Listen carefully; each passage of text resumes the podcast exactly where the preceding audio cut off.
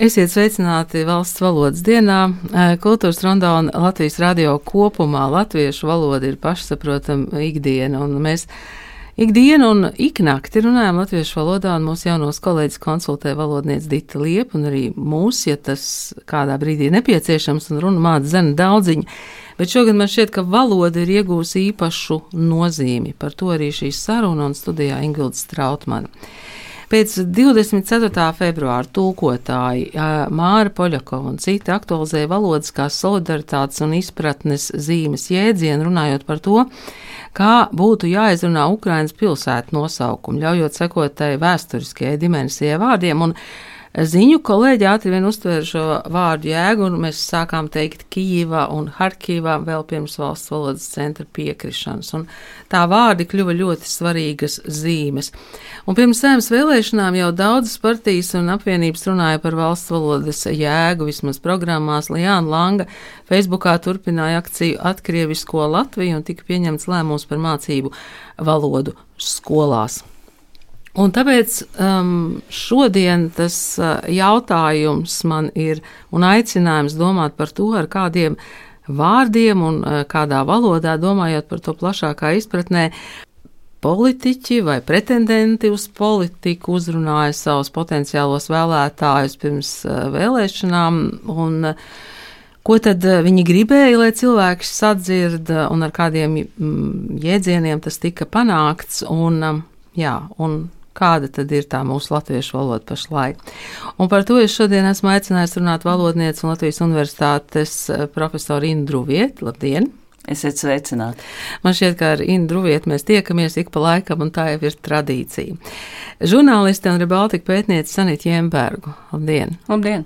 Uh, Sanitu es uh, noklausījos kopā ar Filipu Rajevski, bija Latvijas televīzijā diskusijā tieši pirms vēlēšanām. Nu, faktiski tā bija tāda saruna, kurā tika raksturot katra partija, un man šķita, ka ļoti e, kodolīgi un vērtīgi. Un e, kulturologu Denisu Hanovu, labdien, Denis! Sveicināti! Un savukārt Denisu Hanovu mani mm, pamudināja uzrunāt viņa ieraksti Facebookā. Es saprotu, ka arī Denis ļoti daudz domā par valodu un sociālo kontekstu. Druvietis kundze, kā jums šķiet, kas par šo gadu varbūt ir izmainījies tajā latviešu valodas situācijā? Šeit mums ir jārunā par uh, diviem aspektiem. Viens saistās ar jēdzienu valodas politika, un otrs ar jēdzienu valodas kvalitāti. Un pārmaiņas ir notikušas abos no tiem. Un tas ir pilnīgi likumsakarīgi, jo mēs nevaram nodalīt valodas lietošanu un attīstību no tā, kas notiek ne tikai Latvijā, bet kas notiek uh, mūsu reģionā un kas notiek visā pasaulē. Un nevaram noliegt, ka arī valodu lietojumu ziņā pasaulē e, pastāv zināmi strāvojumi un zināmi virzieni, kas vieno Latviju un citas valstis. Un tādēļ, jā, mēs pašreiz nevaram runāt par valodas situāciju Latvijā atrautībā no Krievijas agresijas Ukrainā. Mēs nevaram runāt par latviešu valodas lietojumu, neņemot vērā šos globālos procesus uh, valodu attīstībā. Tādēļ skaidrs, ka šajā brīdī pievērst pievērst, pastiprināt uzmanību valodai, gluži vienkārši ir objektīva nepieciešamība. Sanita, jūs uh, droši vien ļoti daudz uh, dzirdat, uh, kā runā cilvēki, kā runā politiķi, kā runā publiskas personas, un īpaši pirms vēlēšanām. Kādas ir tās jūsu pārdomas par to? Nu, es gribētu izcelt četrus aspektus. Um, pirmais ir valodas lietojums, izvēlēto vārdu lietojums um, politikā, jo tas rada vidi, kurā mēs dzīvojam, kurā, cik tā mēs uzskatām par iespējamu arī kā sabiedrība uh, kaut kādas lietas artikulēt. Pirmais, kas ir noticis, manuprāt, kopš iepriekšējā parlamentā, tā ir uh, sabiedriskās telpas degradācija. Tas ir vārdi, ko lieto Aldis Gobzems, Artus Kaimiņš ienākot ar necieņu pret, pret demokrātiskām iekārtām, pret mēdījiem. Tas pats vēlēšana kampaņas laikā Aleksandrs Kirsteins, kurš LTV žurnālisti objektīvu darba dēļ nosauc par polītu prostitūtu. Tas pats Gunārs Daudze, kas manai kolēģei saka, kad viņa vaicā par publiskās naudas izlietojumu, ko jūs tur zos bāžaties manā makā. Ja šādi var rīkoties un runāt tāds priekšstāvi, tad par ko mēs brīnamies, par agresijas līmeni sabiedrībā, par agresīvu braukšanu, par to, kā mēs nelaipni izturamies viens pret otru, jo tas tiek akceptēts kā tāda norma uh, politiskajā vidē. Tas ir viens. Otrais uh, - valodas lietošana šķelšanai. Un, uh, tur man šajā kampaņā ļoti uzkrita vārdi orki. Jo Tolkienam orks ir šis sadistiskais, bezjēdzīgais, brīžiem, briesmīgais, brīžiem nu, naivais, tāds, tāds, tāds ņuņa karotājs, pat, kurš, kurš ir droši tikai baros. Un es saprotu, ka cilvēkiem pēc Krievijas iebrukuma Ukrajinā vajadzēja kaut kā artikulēt savas dusmas par to, kas tur notiek, ka vienā brīdī tev vairs nav pieklājīgu vārdu, tev vispār vairs nav vārdu. Un tad tu saki orki, bet kampaņā jau orki tā ar zemtekstu sāk, sāk pārnesties uz vienkārši krieviem, uz mūsu līdzcilvēkiem, no kuriem visi nebūtu ne orki. Līdz ar to man tieši šī apzīmējuma lietošana pret citiem, pret krieviem, pret, gre, pret gejiem, pret uh, transpersonām, tas man uzkrīt ļoti kā tāda vēl viena naida kurināšana, tāda nu, temperatūras paaugstināšana. Bet no, tā ir arī agresija vārdos, ja, vairākās nozīmēs. Jā, jā, un tas rada klimatu, kurā mēs dzīvojam. Mēs nevaram pēc tam teikt, kāpēc mēs esam nelaipni viens pret otru, kāpēc Lielbritānijā man smēdi, ja mēs uzskatām par iespējamu savus līdzcilvēkus, žurnālistus politiķus saukt šādos vārdos. Vārdiem ir milzīga nozīme, tāpat kā tonalitātei. Un trešais, ko es gribētu atzīmēt, ko es pamanīju kampaņā, nu, kampaņā vairāk bija simboli, tur bija mazāk vārdu. Tur bija vīri baltos kraklos, un vīri brūnos uzvalkos un zilos, un, un sievietes jau tajā pasaulē neeksistēja, acīm redzot. Bet uh, pēc vēlēšanām vēlme ar vārdiem iedēstīt kaut kādus konkrētus konceptus, kas šie cilvēki ir. Mēs nedēļu klausāmies, vai labāk krēsls ar trīs vai četrām kājām. Ja es gribētu to zināt, vai labāk bez. Jā, vai labāk bez, vai sēdēt uz grīdas. Ja es gribētu to zināt, es ietu uz mēbeļu veikalu. Mēs klausāmies par kara istabām. Kura nosaukums ir komandas centra īstenībā, bet ar tiem mums tiek iedvests, ka tur nu ir kaut kāda baigākā krīžu vadības komanda. Un man liekas, ka šiem vārdiem kurus atkārto katru nedēļu, vienkārši slēpjas saturisks tukšums. Man liekas, ka valodas nozīme ir saki mazāk, bet saki skaidri, un to es nejūtu. Es vairāk jūtu tādu kampaņā brīvu vārdu plūsmu, kur, kur pie mums sauc par attīstīt, pilnveidot un iet tālāk. E, starp citu, par skaidras domas izteikšanu jaunā Rīgas teātris izrādēs Žižeks un e, Petersons. Ir viens teksts, ko Petersons saka, Iemācieties skaidri izteikt savu domu un lasiet labu literatūru. Un, uh, es kaut kā paturēju tieši šo frāzi, jo mēs varētu domāt, ka tur ir uh, disputs starp labējiem un kreisiem, un pēkšņi tev pasaka šādu frāzi no skatuves. Bet, uh, Denis, es um, izlasīju jūsu Facebook kontā ierakstu 3. oktobrī. Uh, Daudz latviešu draugi tagad jautā, kas tas par fruktu rosļikaus un kas viņam galvā. Un tad sekoja jūsu īsā versija par rosļikau, kurš ir Latvijas integrācijas auglis vai drīzāk integrācijas nesmības rezultāts. Denis, jums droši vien arī jautā gan jūsu latviešu draugi, gan jūsu krievu draugi nu, par tiem vārdiem, kas tika izspēlēti pirms vēlēšanām un iespējams arī pēc. Jā, nenoliedzami. Un šeit es varētu pievienoties uh, kolēģiem uh, viņu domas par to, ka valoda noteikti ir izteikti politisks fenomens. Mēs kā cilvēks un kā cilvēks mēs paužam šāda veida savu jēgu un uh, nozīmes, un arī mēs spējam veidot valodu arī kā instrumentu gan iekļaušanai, gan izslēgšanas mehānismam, respektīvi mēs esam tie, kas Um, ja mēs atceramies Pieru Burģiju, mēs piešķiram ar valodu uh, nozīmes, statusu, jēgu, un tā ir vara. Un, ja mēs runājam par varu demokrātiju, tad, jā, manuprāt, Latvijas politiskai valodai kopumā trūkst iekļaujoša potenciāla.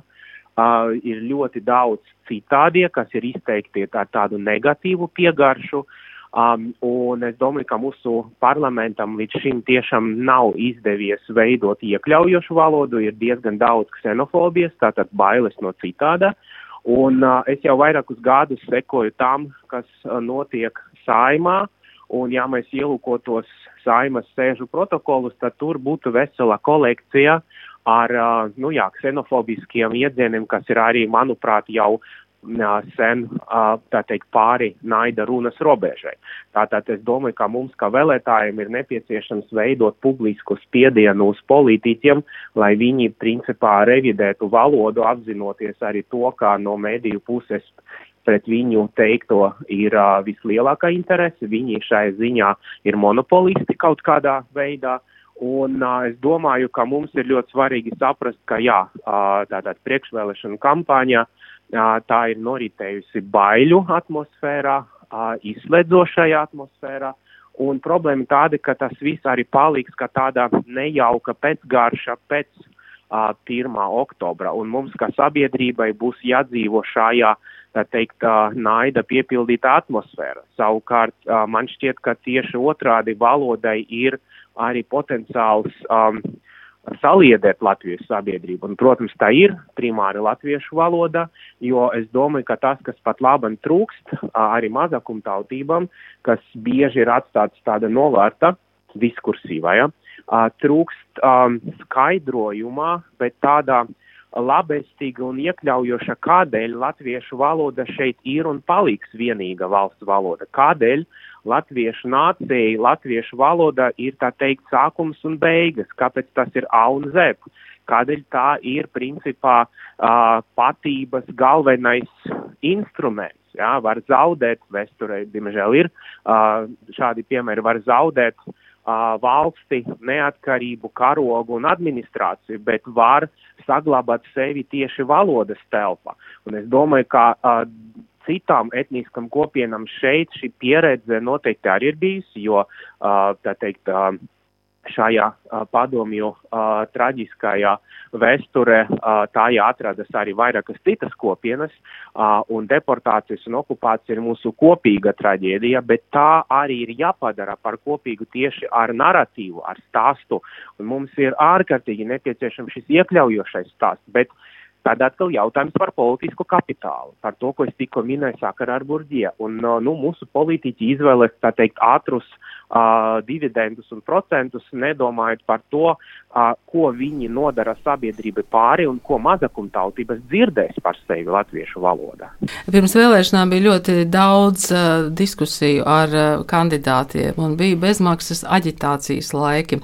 Un um, es šeit apzināti nelikšu fragmentus um, no šiem bezmaksas aģitācijas laikiem un diskusijām, jo Um, tas varētu izklausīties mazliet pēc ņirgāšanās, un mēs tam īsti laiku netērēsim. Drūvietis kundze, jūs uh, esat dažādās pozīcijās. Uh, jūs esat bijusi ilgu laiku arī saimā. Un, uh, kāda tā jūsu sajūta bija, esot saimā un esot filoloģija, esot valodniecei?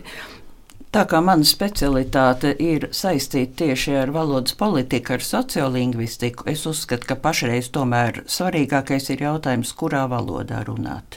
Un, un Denis Hanovs jau skaidri pateica, ka Latvijas valsts pastāvēšanas jēga ir uzturēt latviešu nacionālo identitāti, un ka nav diskutējams jautājums par to, kurai valodai tad ir jābūt eh, tai, kur vienos latviešu sabiedrību. Negribētu piekrist, eh, ka aizvadītajos gados nebūtu pietiekams skaidrots, eh, kāpēc Latvijas valstī ir viena valsts valoda, kāpēc tas mums ir tik kritiski svarīgi, un arī uh, uzskatu, ka ir pietiekami pamatot mehānismi valsts valodas stiprināšanai Latvijā. Mums nevienmēr tas ir izdevies, eh, gan objektīvi, gan subjektīvi iemeslu dēļ, un tādēļ tas ir nepārtraukts darbs. Un varētu atgādināt, ka tieši tādēļ arī mēs svinam valsts valodas dienu, tieši latviešu valodas statusa dēļ, un saruna par to, uh, kādus leksiskus un stilistiskus paņēmienus mēs izmantojam mūsu ikdienas sarunā, aizvirzās no valodas politikas jomas uz savstarpējo attiecību jomu, kas arī, protams, ir ļoti svarīga. Bet atbildot uz jūsu jautājumu par to, kas tad pašreiz notiek tieši attiecībā uz valodas kvalitāti. Varētu teikt, ka šis priekšvēlēšanu un vēlēšanu laiks tiešām ir sāsinājis izteiksmes spilgtumu, un, diemžēl, priekšplānā ir izvirzījušies tieši leksiskie elementi, kurus mēs agrāk saukt par vulgārismiem. Jāpiekrīt, ka tik tiešām sabiedrība agresivitāte ir vairojusies. Tur, protams, sava nozīme ir arī šai psiholoģiskajai spriedzei. Un e, šeit uh, ir ļoti grūti atbildēt uz jautājumu, ko varētu darīt. Jo mēs arī dzirdam, ka tad, ja cilvēks izmanto um, paņēmienus, kas tiešām atbilst uh, augstākiem literārās valodas standartiem, kas ievēro šo toleranci, starp, savstarpējo pieklājību, viņš paliek nesadzirdēts, un tas attiecas arī uz uh, saimnes debatēm. Uh, arī plašsaziņas līdzekļos visbiežāk uh, tiek atspoguļots um, tieši fragments, kurā kāds apzināti ir pārkāpis šīs normas, kurā šie izteiksmes līdzekļi uh, neatbilst pieklājīgā sabiedrībā pieņemtajiem, uh, un šī situācija aizvien padziļinās, jo vajadzīgi aizvien spēcīgāki un spēcīgāki un šokējoši līdzekļi, un uh, nenoliedzami uh, tur ir burvi loks, tas atkal šo sabiedrības agresivitāti papildina. Tā kā nenoliedzami mums ir jārunā par to, kā mēs runājam, bet šajā dienā es tomēr īpaši gribētu uzsvērt šo latviešu valodas vienojošo lomu un arī runāt par to, kas mums būtu jādara citādi, nekā mēs to esam darījuši līdz šim. Man, piemēram, teica arī tādu faktu, ka e, krieviski runājoši cilvēki Latvijā pirms vēlēšanām bija teikuši, ka Nu, mēs tagad negribam balsot par tām krievu partijām. Es tagad vienkāršoju, bet tieši tā kā cilvēki saka. Bet uh, latviešu partijas mēs nepazīstam. Nu, tad mēs paklausījāmies, un tas, ko mēs sapratām, bija gobzems. Vai uh, Roslīkaus TikTokā. Sanīt, jūs esat arī TikToku apgūsi. Ja? Kas tur notiek? Es nezinu vienkārši. Man beigās vajadzēs pa kaitīgu darbu vienkārši pienu likt pie algas, bet um, mums kolēģi no Lētas, Anastasija Tetarenko, izgāja cauri visām Roslikova, um, visām Roslikova izpausmēm TikTokā, jo TikToks ir, nu, viņš tomēr ir unikāla platforma, tā ziņā, ka tā ļoti īsā video formātā ir jāpasaka tas, ko tu saki. Galvenais ir video. Tomēr, Jā, ne? galvenais ir video. Un tajā mazajā video tu, protams, vari uh, iespiest tikai spilgtus salīdzinājumus. Un tāpēc tur notiek tāda spēle ar uh, stereotipiem. Es un citi. Manējie un nemanējie, bagātie un nabagie, zagļi un uh, godīgie. Un tas viss tiek tā ļoti primitivizēts. Un, uh, Un uh, Globzems tam visam atšķirībā no Roslikova. Roslikovs runā kā tāds uh, gandrīz politiķis. Uh, nu, Globzems vienkārši kliedz. Un tā ir sabiedrības daļai, kurai ir šausmīgi nikna, un kurā liekas, ka viņai visi, visi zog un visi dara pāri, viņi to tiešām arī uztver. Bet tam ir tikai, tam ir tikai viena, viena pretpote, un tas ir vienkārši mācīt klausīties. Mācīt klausīties saturā, kas tiek teikts. Jo, uh, Es, protams, esmu briesmīgs snobs, kurš var norakstīt cilvēku, ja viņš jauc kaunu kādu lietošanu. Bet man ir ļoti svarīgi, lai tajā saturā būtu saklausāma doma, un lai tā doma būtu atbilstoša realitātei. Un tieši tāpat arī ir jāvērtē gan visi Roslikovi, gan Globzam. Cita lieta, ka cilvēkam slinkums. Cilvēkam dzīvē iet tāpat pietiekami grūti, un viņam gribas vienkārši recepti. Viņam atnāk, piedāvā rekordu, labie, sliktie, godīgie, negodīgie, baltie, melnie latviešu krievi. Nu, tad viņš to arī nopērk. Bet uh, bija arī, lai es nebūtu tā tāda bada dzeguze, uh, bija arī viena laba lieta šajā visā. Un tā bija uh, komunikācijas tonis inteliģentiem cilvēkiem. Attīstībai par pēdējās nedēļās pat viņa publika šo aroganci vairs nespēja paciest. Tas, kā tiek runāts no troņa uz leju, tas, kā tiek uzbrukta augstprātība, arogance, uzbrukums citiem. Es ar tevi sēžu pie viena galda visu laiku, un tagad tu pēkšņi izrādies, esmu bijis briesmīgs vadītājs visu šo laiku. Un tas inteliģentais vēlētājs, viņš uz to skatās, viņš domā, nē. Es tāds neesmu. Nebūs, tieši tā, nebūs. nebūs. Es tāds neesmu. Un man liekas, tā ir tā labā mācība, ka cilvēki, protams, ka mēs sociālajos tīklos redzam lielākoties tos, kas viskaļāk kliedz. Un liela daļa no mums jau sen vairs nevēlas uz to atbildēt, jo pirmkārt, kādēļ tērēt savu laiku, kādēļ tērēt dzīvi destruktīvām sarunām, nepatiesiem apgalvojumiem un tā tālāk. Bet tā ir mazākā daļa, uz vēlēšanu rezultātiem. Beigu beigās, cik dabūja gobzems? Cik dabūja Roslikovs? Nu, Gobzēns aizbrauc, ja. Paldies Dievam, beidzot, cilvēks izpildīja savus solījumus. Galvenais, lai viņš nebrauktu atpakaļ tagad. Bet, Tā saprātīgā daļa ir stipri lielāka. Tāpēc nu, ir kaut kāda cerība tajā visā, bet, nu, protams, ir jāakceptē tas, ka, ka daļa tur ir bezcerīga, gan agresīva, gan arī uztveres ziņā. Vai jums ir kāda versija vai kāda recepte, tā pretpote, uh, lai mēs noņemtu to agresīvo toni un, un lai mēs tomēr turpinātu sarunāties? Klausoties šīs dienas sarunu, es domāju, cik tālu un kurš no mums to var ietekmēt. Jo Valoda pieder visiem. Katrs izvēlas tādus izteiksmus, līdzekļus, kas atbilst viņa mērķiem, un šeit mēs, diemžēl, varam runāt arī par pieprasījumu un piedāvājumu. Daļa sabiedrības prasa šādu asu, inteliģentu cilvēku necienīgu toni, un kurš ir tiesīgs norādīt, ka pietiek, robeža ir sasniegta. Un šeit, zināmā mērā, var vilkt arī paralēlus ar to, cik tālu un kurš ir tiesīgs valodu normēt Zināms, ka tad, ja tiek uh, izteikti norādījumi, kas sen jau vairs nav kategoriski, tie parasti ir formā labāk teikt tā, piemērotāk būtu šāda frāze. Latviešu valodā mēs varētu lietot šādu izteicienu. Daļa sabiedrības to uzņem kā uh, tieksmi, kādas grupas uh, vārdā pārvaldīt valodu. To mēs redzam kaut vai pēc attieksmes pret cilvēkiem, kas uh, mēģina veidot valodas normas, ieteikt terminus un tam līdzīgi. Protams, tur situācija nav tik kritiska tieši saistībā ar publisko komunikāciju. Kurš būs tas, kas varēs parlamenta deputātam vai deputāta kandidātam pateikt, pietiek šāda komunikācijas maniere nav pieņemama, tieši tas var apdraudēt tavu ceļu uz sājumu. Bet mēs redzam, ka notiek tieši pretējais, un te ir runa par sabiedrības saziņas kultūru, jā, arī par daudzkārt minēto agresivitātes līmeni, un būtībā arī par zināmu morāla autoritāšu trūkumu mūsu sabiedrībā, kas varētu ietekmēt cilvēkus, kas pretendē uz mūsu valsts pārvaldību. Tātad, kas zināmā mērā izlems arī mūsu nākotni. Jā, starp citu, es dzirdēju arī šādu viedokli, ka zvērstu nodošana saimā tas arī varētu būt zināms katalizators un pārbaudījums. Denis, bet varbūt jums ir kas prātā par pretpoti agresijai valodā un agresijai, kas līdz ar to arī rodas savstarpējā saziņā es gribētu pievienot kolēģi jau minētājiem, tā teikt, celoņu sarakstam vēl vienu fenomenu, respektīvi digitālas kultūras un digitālas saziņas līdzekļu ietekme. Un to, kādā veidā valoda transformēs tieši šo līdzekļu telpā.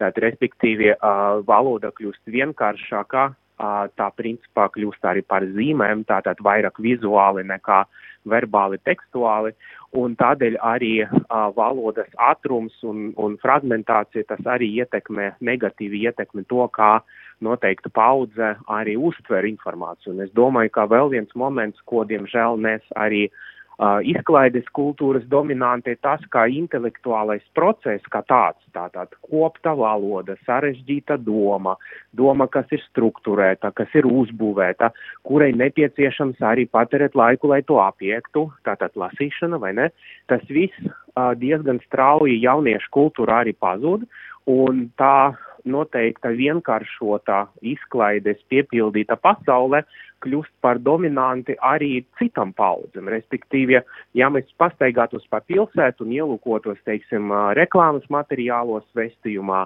jā, publiskai telpā, mēs redzam, ka bauda, tūlītēja bauda, vienkārša, asa, pikanta vai erotizēta valoda, visi šie aspekti palīdz cilvēkam turpināt patērēt. Ja? Un, um, negribētu šeit veidot kādu uh, noteiktu ekonomikas uh, teiksim, principu kritiku, Bet uh, nu, ir jāpieņem tas, ka komerciāla telpa dominē un cilvēka primārais uzdevums tagad publiskai telpa ir turpināt patērēt. Ja? Un kā mēs varam cīnīties pret to, tas ir ļoti sarežģīti, jo, protams, arī ir subkultūru valodas. Valoda ir arī protesta līdzeklis, gan valodas lietošana, gan nelietošana. Un es domāju, ka viens no līdzekļiem ir veidot to, ko mēs saucam par sabiedrisku viedokli, kas, uh, nu, zinot, teiksim, vēsturi no 18. gadsimta jau spēja veidot arī politisko saturu un īstenībā pieteikt jaunas idejas, mums ir nepieciešama iespējams jauna ideja par sarežģītu pasauli. Vienkāršota pasaule kļūst aizvien bīstamā, bīstama domai, intelektam un valodai. Bet uh, pasaules uh, jauna sarežģītība ir tas, ko var sākt attīstīt primāra medijos. Ir tā, ka sadzīvēs arī patērē diezgan daudz informācijas vācu valodā, tātad vācu radio man visu laiku ir kaut kur klāt, un es klausos un sekoju vairākiem raidījumiem. Um, Vācijas sabiedriskie mēdīja apzināti turpina vācu, teiksim, to intelektuālu diskursu tradīciju. Gan šaubas, gan komentāri, gan dažādi uh, materiāli, kas ir saistīti, teiksim, ar esējiem un diskursu. Un viņi nebaidās no, šim, no šiem materiāliem. Uh, es, tas, ko es redzu Latvijas mēdījos, izklaidē, saturā, uh, aizvien būtiskāka kļūst, bet aizvien mazāk vietas ir refleksijai, šaubām Un parasti es arī dzirdu, lūdzu, īsāk, vieglāk jūs runājat, teiksim, ar parastu cilvēku no ielas. Bet es esmu šai ziņā apgaismības ideju piekritējis. Parastais cilvēks nav kaut kāda, teiksim, vienkārša būtne, bet parastais cilvēks ir arī topošais politiķis vai arī vēlētājs. Un tādēļ sarežģīta pasaule ir zināma veida mūsu demokrātijas kvalitāte vienkārša pasaule, kā mēs redzam pēc Trumpa, un Trumpam ir daudz sekotāju un pielūdzēju arī Latvijas politiķu vidū, Gobzems, vai ne, viens no piemēriem. Es domāju, ka Roslīkos arī iet šai virzienā. Tātad Trumpa fenomens ir tas, ka viņš iznīcinā um, verificējamo, pārbaudāmo un kritisku valodas telpu. Viņam valoda ir mīts, viņam valoda ir piedzīvojums, un valoda ir primāri peļņa politiska. Tātad sarežģītāka pasaule medijos un arī mācību procesa. Studentam un skolēnam skola un universitāte nav izklaides telpā. Tā nav Viktorīna, nav šovs un nav balvas. Tā ir sarežģīts process, un tas, ko es novēroju mācību grāmatas, mani ļoti uztrauc. Brojas kundze, jums ir eh, ļoti tieša pieredze strādājot ar studentiem, vai ne? Diemžēl nepateikšu neko jaunu, mūsu sabiedrības un arī studentu spēja uztvert sarežģītus tekstus samazinās.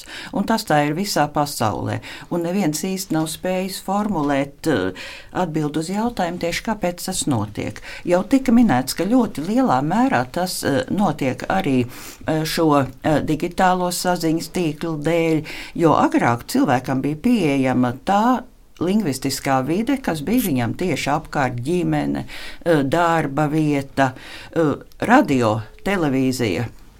Plašsaziņas līdzekļi, kuros tomēr darbojās redaktori un korektori institūts.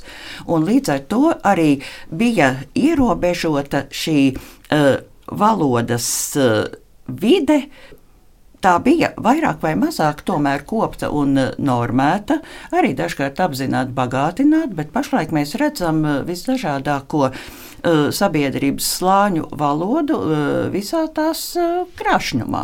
Un tik tiešām nenoliedzam savu nozīmi ir arī tam, ka mēs aizvien vairāk atgriežamies pirmsrakstērā un ļoti daudz, daudzus jautājumus jau uztveram vai nu vizuāli, vai arī ar sarunu valodu, bet man šķiet, ka šajā brīdī ir ļoti svarīgi piebilst, ka tā nekādā gadījumā nav valodas kā tādas vaina vai trūkums. Šeit ir runa par atsevišķu cilvēku, vai arī par diezgan uh, lielas sabiedrības daļas runu, kas gluži vienkārši neprot izmantot visas valodas bagātības. Pagaidām varētu teikt, ka latviešu valodu kā tādu uh, šis process negatīvi ietekmējis nav, jo latviešu valoda ir uh, ļoti bagāta attīstās, palasiet kaut vai mūsu daļu literatūru, tulkojumus. Mums ir termini visās eh, nepieciešamajās zinātnes nozarēs, un tā nepārtraukti attīstās. Tātad materiāls ir. Un sliktākais, kas var būt, ir tas, eh, ja kāds eh, pamato savu nespēju izteikties īsi, skaidri saprotam ar to, ka latviešu valodā jau tā pateikt nevar. Valodā var. Un tādēļ arī um, daudz uztraucas par to, ka e, jauniešu vidū palielinās angļu valodas lietojums. Jā, tā tas ir. Tā ir e, visā pasaulē. Galvenais būtu tas, lai paralēli tomēr pastāvētu šī spēja izteikties arī latviešu, un lai neviens nekad neatkārtotu uh, šos maldus par to, ka latviešu valodā kādu domu, kādu ideju nevar pateikt. Un tad arī viss droši vien nostāsies savās vietās, jo ik viens cilvēks mūsu dienās ir uh, multilingvāls ir svarīgi izšķirt, kuru un kā kādu formu lietot, un uh, tas ir pieļaujams valodas spēles ietvaros kā pārējoša parādība. Bet tad, ja mēs tiešām redzēsim, ka apstiprinās bažas par to, ka tā latviešu valodas bagātība daļa, ko spēj izmantot jauns cilvēks, kļūst aizvien mazāka, jā, tad būs pamats satraukumam. Tas ir ļoti interesanti ar šo jauno paudzi, kura runā um, savā starpā angliski ļoti daudz. Uh, man ir uh, viens no maniem bērniem, ir pusaudzis, kuram ir absolūti nevainojama angļu valodas izruna. Mm bet viņš nespēja rakstīt angliski. Pat tad, ja viņam piedraud, jo viņš ir mācījies valodu no YouTube. Viņš brīnišķīgi zina, kā izrunāt, bet viņš nezina, kā rakstīt. Un savukārt par mācību līdzekļiem, kad es studēju maģistratūrā Anglijā, tā nav mana dzimtā valoda. Tur nebija ne mazākās atkāpes par to, ka nav mana dzimtā. Man nāca atpakaļ visi referāti un darbi vienkārši sarkani. Un tu saproti, ka, lai tu spētu turēt līdzi, tev ir jālasa tās 200 plus lapas dienā profesionālo literatūru. Un tā kā es no bērnības esmu tāds lasītājs, man vienmēr ļoti paticis, tad tas man nebija pārāk grūti. Bet tā ir tāda mentālās higiēnas lieta. Tu vienkārši pats sev piespiedi izlasīt tās lapas vai to, to grāmatu nedēļā tikai tāpēc, ka tu jūti vienā brīdī, ka dēļ šīs vienkāršošanas apkārt tu pats zaudē valodu. Tu vairs vienā brīdī nezini, kurā brīdī ir jāliek komats tajā teikumā, kur ir, kur nav kāds bija tas vārds. Un tāpēc man ļoti patīk visu tezauru izmantošanu un pārējais, visu sinonīmu izmantošanu, meklēšanu, jo tādā veidā tu, tu bagātinies. Tātad tie rīki ir tikai ir jāmāk Jā, izmantot. Vienkārši jāstrādā ar viņiem, un galvenais arī nav jāgaužās, jo um, tad, kad es mācījos Anglijā, un šis ir tas jautājums par latviešu valodas kā vienīgās valodas, vienīgās valsts valodas svarīgumu un apziņu, kāpēc tas tā ir un kāpēc tam tā jābūt. To, ko Dēnis uzrunāja. Man teica, no kurienes tu esi? Nu, Latvijas. Nu, kur tas ir? Protams, tu nekad nesaki jau tajā laikā, kad tas blakus Krievijai. Tu saki, zini, kur Zviedrija, nu tur pāri jūrā no turienes uz leju. Un tad tā saka, cik jums ir cilvēku? Es saku, nu, tobrīd 2,4, 2,6. Uh, un no viņiem uh, vismaz miljons ir krievi. Un, bet tur runā valodā, kurā runā miljonus cilvēku. Es saku, jā, es esmu absolūti unikāla. Es esmu viena no miljoniem. Man ir tāda zināšanas, kāda nav nevienam no jums. Un es esmu tā mazā izzudošā, mazais izzudošais punktiņš tā lielajā pasaulē. Un man tas vienmēr tā arī licies. Man tas ir licies ārkārtīgi forši, ka es runāju Tas viens no miljona. Es pārzinu etnogrāfiju, es pārzinu tautas tērpus. Man ir kaut kas savādāks. Es neesmu ne Ikea, ne McDonald's. Es esmu tas mazais dīvainis no Baltijas jūras. Un, un tas ir tas, ko es runāju par, par to pozitīvo nacionālismu, par to, kāpēc mums vajadzētu kādam mācīties valodu. Tāpēc, ka mēs esam unikāli, mēs esam viens no miljona. Mēs esam Šī valoda ir tev iztautas sazināties kaut kādā burvju valodā. Un tur ir tie mērķi valodas, jo Nu, labi, varam nosaukt akciju. Lijāna Langa var nosaukt atkrievisko Latviju. Es sauktu latvisko Latviju. Nevis atņem kaut ko, bet atdod kaut ko. Ja tu noņem no mājaslapas lietošanu krieviski, piemēram, tad uzdod sev jautājumu, kāds ir mērķis. Vai tu gribi parādīt, ka tu esi valdnieks, vai tu gribi tam cilvēkam iedrošināt viņu lietot. Tāpēc es teiktu, ka mierīgāk, lasot, runājot un Man arī ir brīnuma recepte tam, kā, kā šo visu atrisināt. Viņa jau ir, viņa jau ir latviešu sakām vārdos. Nu, nedari otram to, kas tev pašam nepatīk. Un tā man liekas, tāda elementāra lieta, ko bērnībā iemācīja, kā uzvesties. Nu, tad vienkārši pieturēties pie tā un nu, un dzīvot tālāk. Ziniet, viss, ko jūs sakāt, mani iedrošina, ka principā mēs strādājam, nu, kā Latvijas rādio un kā Nacionālais kanāls un arī kā kultūras rondo, ka mēs strādājam pareizā virzienā. Un eh, ka mēs, protams, varam uzklausīt um, mediju ekspertus, kuri saka, jums vajag vairāk izklaides, jūs ejat pārāk elitārā virzienā. Un tad mēs to uzklausām un sakam, labi, bet mēs zinām, kā mēs iesim. Es gribēju teikt, ka ir ļoti svarīgi ne tikai runāt valodā, bet runāt arī par valodu, gan nu, skolā, darām, gan uh, arī plašsaziņas līdzekļos. Un, uh, pārliecināt uh, sabiedrību par to, ka latviešu valoda tomēr ir liela tautas valoda ar visai labām nākotnes izredzēm. Galu galā atkal jāatkārto, ka tikai apmēram 250 valodas no 7000 pasaules valodu runā vairāk par vienu miljonu. Mēs tā tad esam ļoti labās pozīcijās. Mums ir valsts valodas status, Eiropas Savienības valodas status un uh, nav pamata nekādām apakaliptiskām domām par to. Eh, bet eh, kur gan šķiet, eh, mēs neesam izdarījuši visu, ko varam. Pagājušajā gadā mēs publicējām grāmatu Latviešu lingvistiskā attieksme, vērtības pārliecība prakse, un pētījām tieši pašu latviešu attieksmi.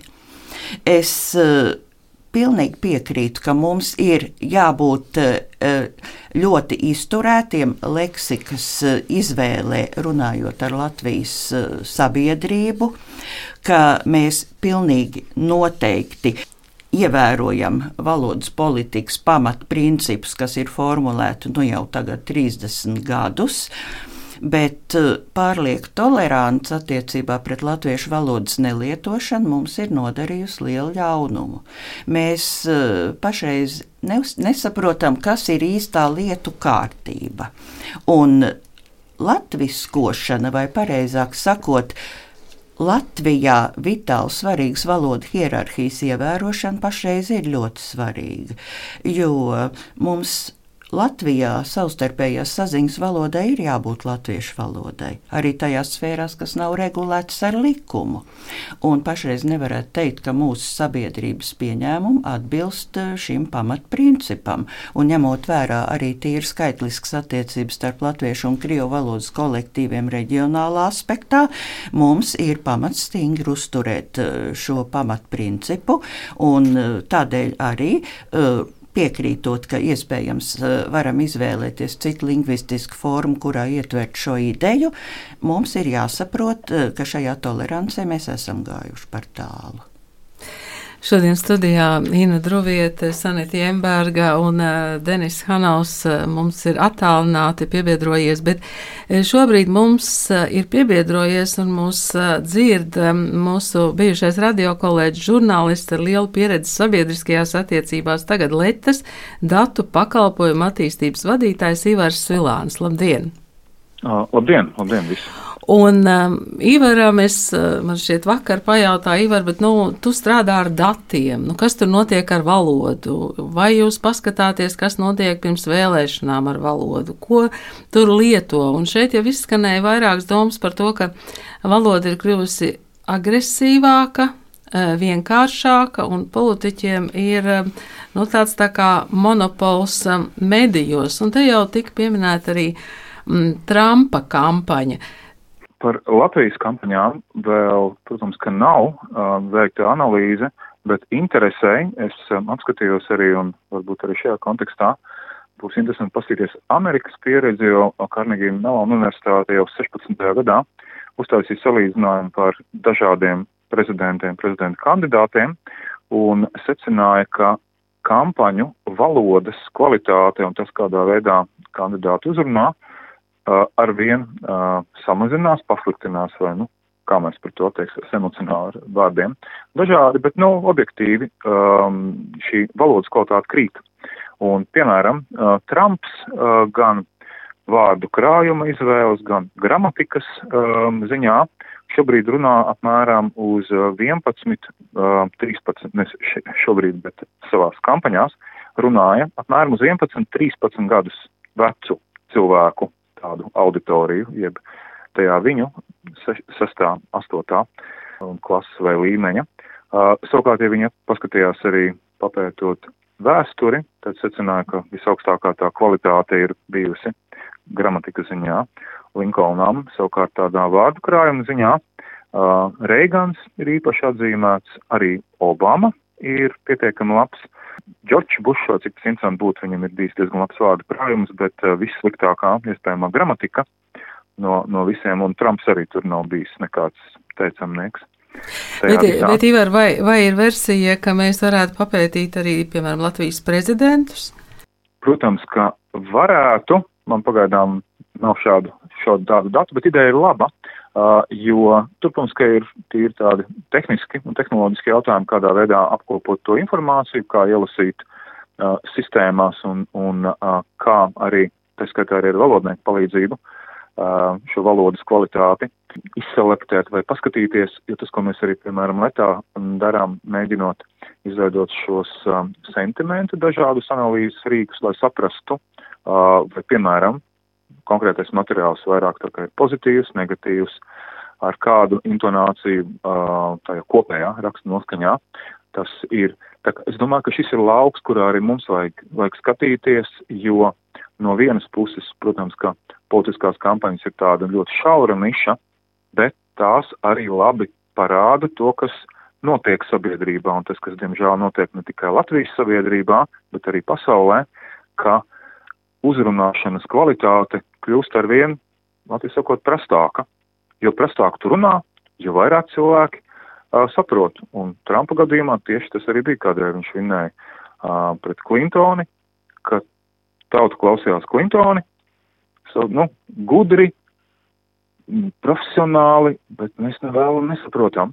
Te atnāk puisis, kas saka, šis ir šis, šis ir šis, sapratāt. Viss saka, o, ir viens, kurš runā mums saprotamā veidā, valodā, un, diemžēl, tādā veidā viņš sasniedz savus politiskos mērķus. Skolu kvalitāti, valodas kvalitāti un tā tālāk, bet Tādā veidā tu vari sasniegt lielu auditoriju, kuru nobalso par. Piebild man bija par to, ka Latvijā ir eh, daudz pētījumu gan eh, par politiķu valodu, gan arī par valodas situāciju vispār. Problēma ir tā, ka mums acīm redzot pietrūks šī vidējā posma, kas eh, šo zinātnisko pētījumu rezultātus novad līdz sabiedrībai. Mums ir divas doktora disertācijas, kas ir veltītas tieši parlamentārajam diskursam un Latvijas prezidentu uh, runām. 6.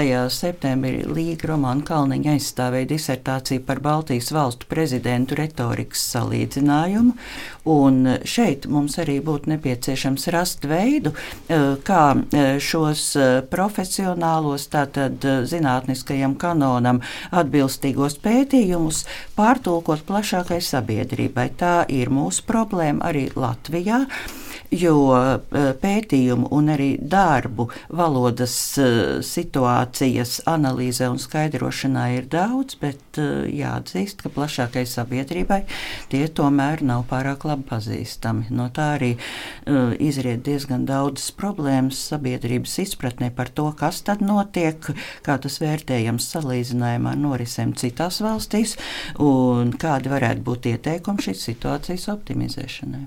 Mēs šeit arī mazliet pateicām, mēs un viņi, mēs un politiķi, bet gal galā viņi jau nav no Marsa, vai ne?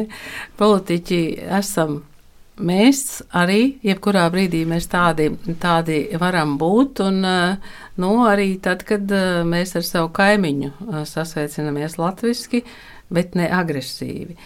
Ziniet, šajā brīdī man šķiet, ka mēs varētu izdalīt ļoti daudzas lietas, par kurām mēs varētu turpināt runāt. Ne tikai valsts valodas dienā, bet arī ļoti daudzās e, citās dienās. Tā ir e, digitalizācija un valoda, tā ir agresija, empātija un valoda, tie dažādi e, valodas slāņi. Mm, tā ir arī mediju valoda, bet šajā brīdī Es saku jums paldies par sarunu.